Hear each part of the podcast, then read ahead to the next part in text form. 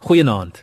Baie dankie vir die ongelooflike groot en heerlike voorreg wat ek gehad het om saam met jou te kon kuier en dat jy by ons aangesluit het in hierdie dag se kuier geseltes rondom die kruis. Ek wil vir ons lees 1 Korintiërs 8 vers 9. Maar wees versigtig dat jou vrymoedigheid om alles te eet nie jou medegelowiges met met 'n sensitiewe gewete in hulle geloof laat struikel nie.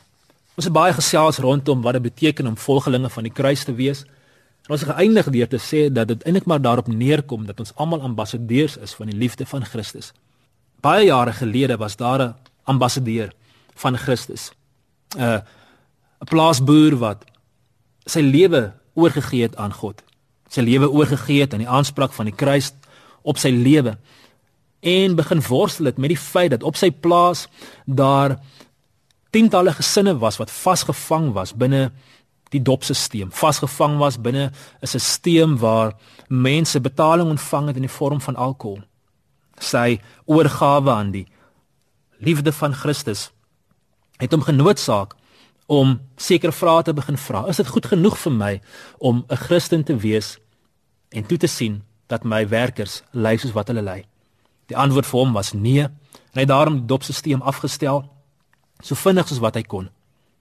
Hy het verder gegaan as dit en binne sy oortuiging dat God hom gevra het om om 'n ambassadeur te wees wat God se liefde sou uitdra, het hy besluit om die versoeking heeltemal te verwyder, soveel so dat hy wingerde uitgepluk het en begin het om appels te plant.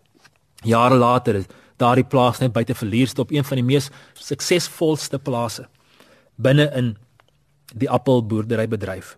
Dit was uit sy gehoorsaamheid dat 'n jong man en en sy gesin se se lewens verander is.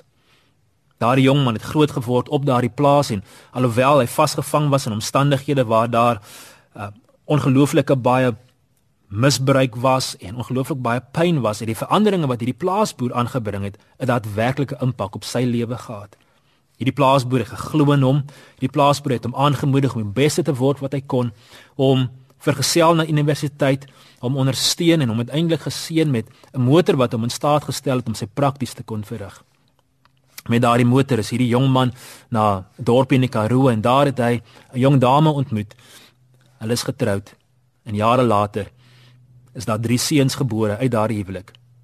Ek is vandag 'n getuienis van die krag van 'n ambassadeur, iemand wat sy roeping ernstig opgeneem het.